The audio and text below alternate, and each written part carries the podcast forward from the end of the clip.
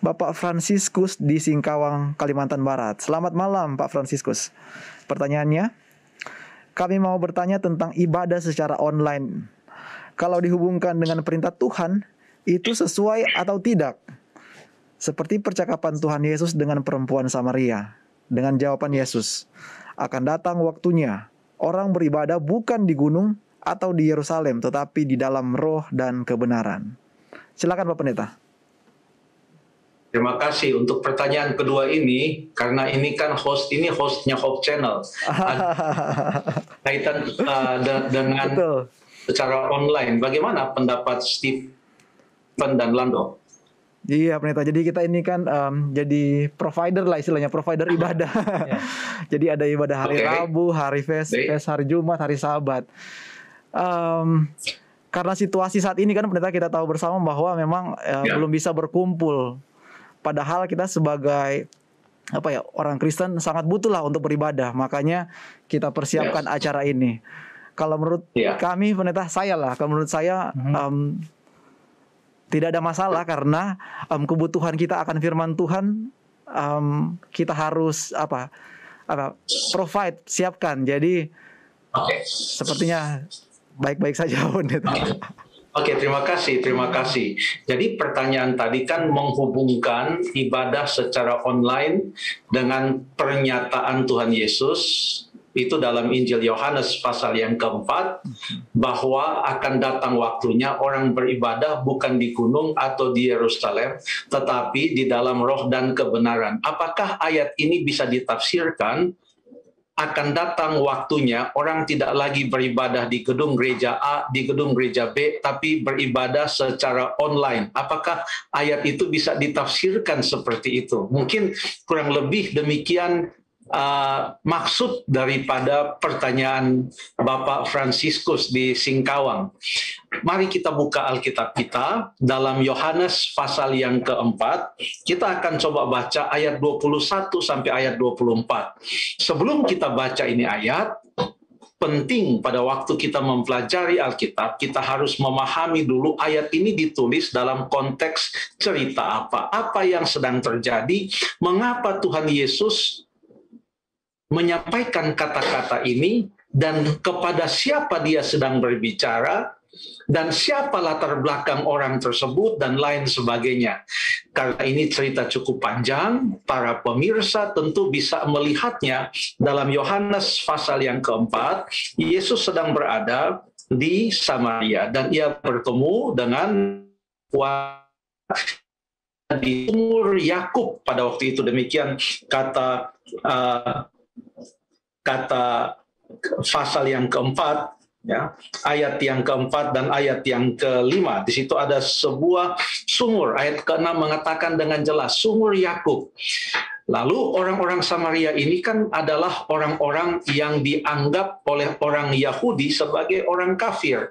Mereka tidak mau bahkan melewati kalau mereka datang dari selatan dari arah Yerusalem mau menuju ke Galilea di arah utara, di mana Samaria itu berada di antara selatan dan utara.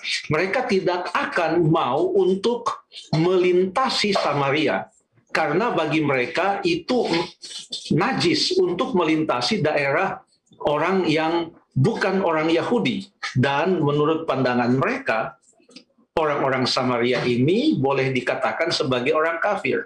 Jadi apa yang mereka lakukan, mereka detour, mereka pergi dulu ke seberang sungai Yordan, ke sebelah timur sungai Yordan, lalu mereka jalan menyeberang lagi ke sebelah barat supaya mereka bisa uh, mengambil jalan lingkar luar dan tidak melintasi Samaria. Jadi ini pertemuan Yesus dengan perempuan Samaria ini betul-betul dis, disampaikan oleh uh, Injil Yohanes dalam konteks orang Yahudi tidak mau bergaul dengan orang Samaria. Ada indikasi di dalam Yohanes pasal yang keempat tentang hal itu.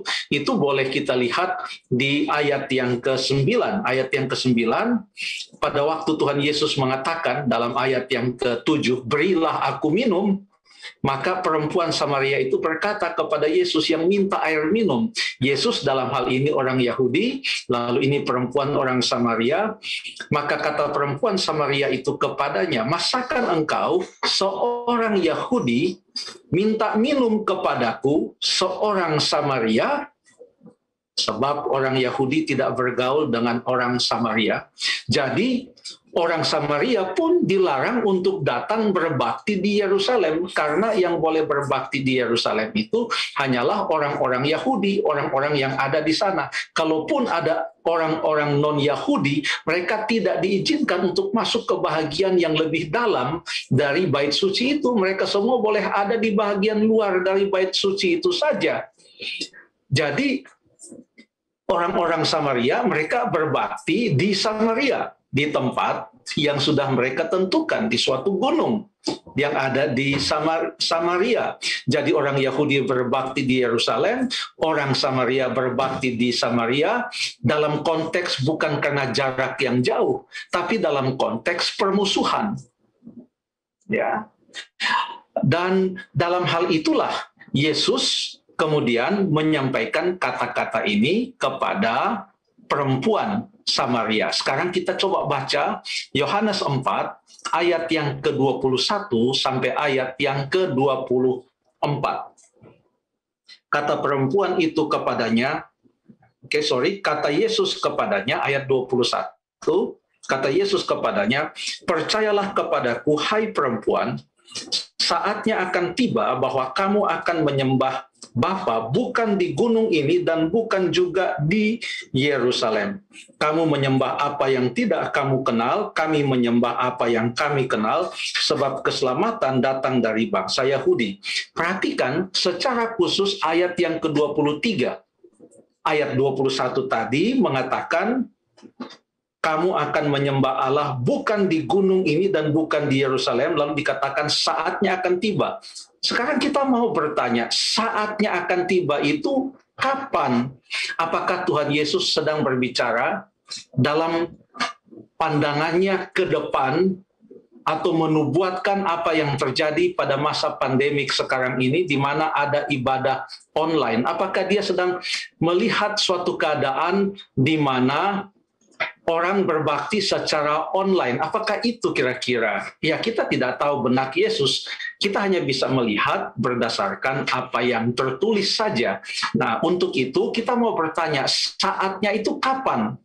Bahwa orang berbakti bukan lagi di Yerusalem atau bukan lagi di atas gunung di Samaria tetapi di dalam roh dan kebenaran. Kapan? Ayat 23 menjawabnya. Ayat 23 mengatakan tetapi saatnya akan datang dan sudah tiba sekarang bahwa penyembah-penyembah benar akan menyembah Bapa dalam roh dan kebenaran.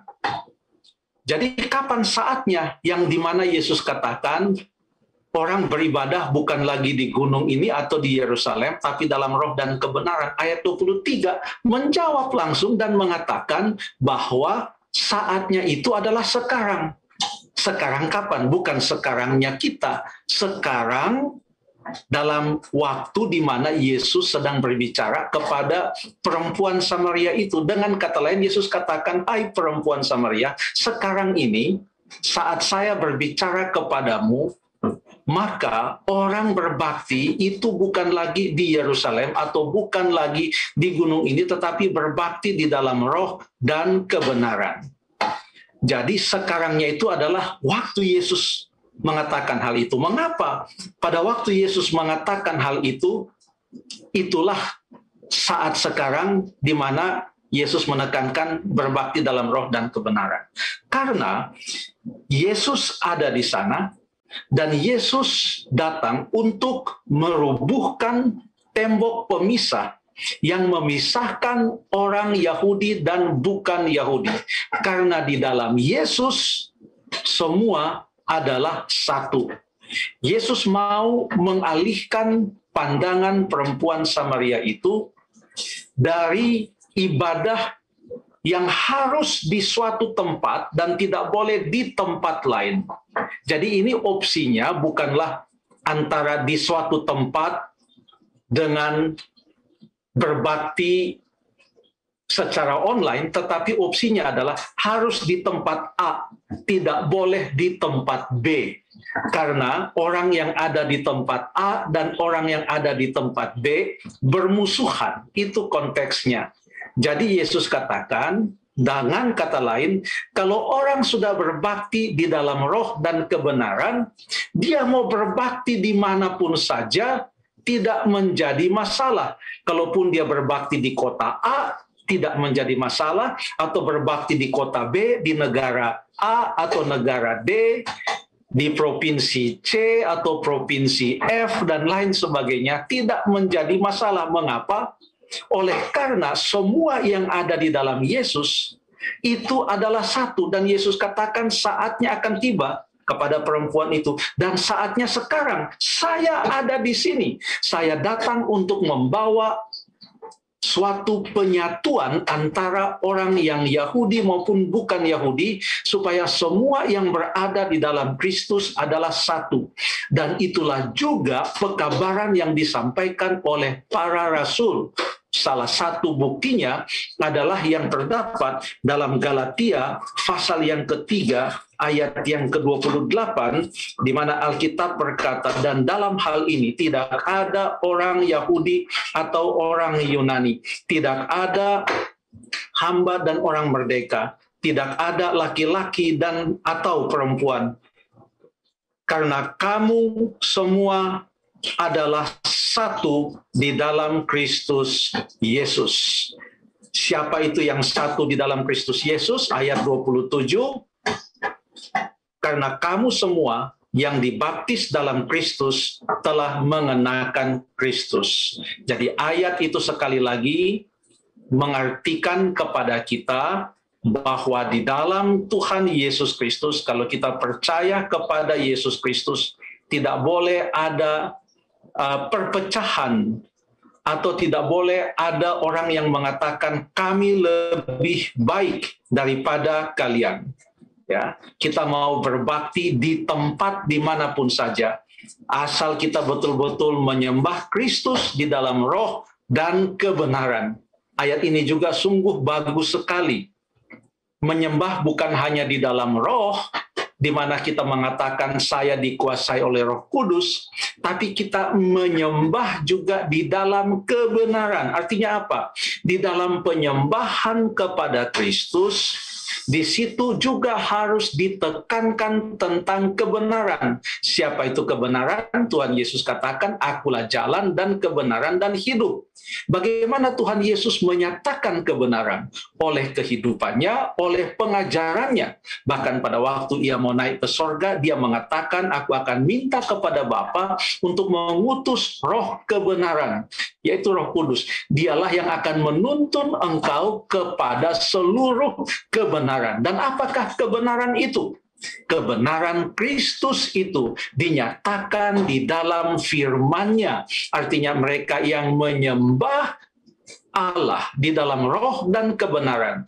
Mereka adalah orang-orang yang menyembah Allah dengan dipenuhi oleh Roh Kudus, Roh Kudus yang menuntun mereka, dan kalau Roh Kudus yang menuntun mereka, maka mereka yang menyembah Allah di dalam roh dan kebenaran adalah juga orang-orang yang menjunjung tinggi firman Tuhan, yang mengikuti akan kebenaran firman Tuhan, karena firman Tuhan ini juga diilhami oleh Roh Kudus. Jika itu sudah terjadi, di mana kita berbakti dan meninggikan kebenaran, walaupun saya masuk di dalam satu jemaat yang ada di Jakarta pada suatu hari perbaktian, saya adalah seorang uh, Advent pada hari Sabat, hari Sabtu, saya juga bisa berbakti di Kalimantan. Pada hari Sabat, hari Sabtu, saya juga bisa berbakti kalau mengunjungi katakanlah luar negeri di suatu tempat yang lain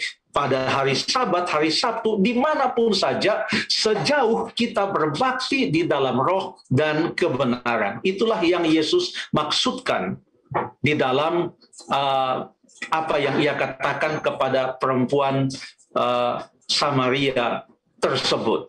Ya, mengenai kebaktian online mungkin panjang kalau mau dibahas uh, sekarang, tetapi yang Yesus mau adalah pertemuan secara fisik, physical presence, physical meeting. Betul-betul kita hadir bersama-sama bukan secara online. Jadi yang secara online ini adalah dalam bentuk yang sementara dan kita harus mendukung program dari pemerintah kita untuk memutuskan rantai penyebaran dari COVID-19 ini kita berbakti bersama-sama walaupun itu sekarang secara online tetapi doa kita adalah akan tiba saatnya kita boleh berbakti secara bersama-sama hadir secara fisik bersama-sama di suatu tempat. Mengapa? Karena kalau kita ingat apa yang dikatakan oleh Tuhan Yesus sebelum ia naik ke sorga, itu pada malam di mana ia akan ditangkap dan diadili lalu disalibkan, ia katakan dalam Yohanes pasal yang ke-14 ayat 1 sampai ayat yang ketiga. Janganlah gelisah hatimu, percayalah kepada Allah, percayalah juga kepadaku. Ia tahu murid-murid waktu itu sedang gelisah. Kenapa gelisah? Karena akan berpisah dengan Yesus. Tidak bisa lagi bersama-sama dengan Yesus dalam suatu ruangan, dalam suatu tempat, melayani bersama-sama, dan lain sebagainya. Yesus katakan, aku pergi ke situ, dia katakan di rumah Bapakku banyaklah tempat kediaman, jika tidak demikian tentu aku mengatakannya kepadamu. Ia lanjutkan sebab aku pergi ke situ untuk menyediakan tempat bagimu, dan setelah aku pergi ke situ dan menyediakan tempat bagimu, aku akan datang kembali untuk membawa kamu ke tempatku, supaya di tempat di mana aku berada, kamu pun berada. Perhatikan apa yang Yesus katakan. Di dalam rencana keselamatan tidak ada yang namanya kita diselamatkan tapi tidak pernah bertemu dengan Yesus. Di mana Yesus katakan, ya sudah, saya nyatakan kalian semua selamat, kalian di dunia, saya di sorga. Tidak ada seperti itu. Konsep Tuhan Yesus adalah yang ideal, keselamatan itu adalah di mana pun ia berada, kita berada. Ada kebersamaan secara fisik bersama-sama dengan Tuhan Yesus.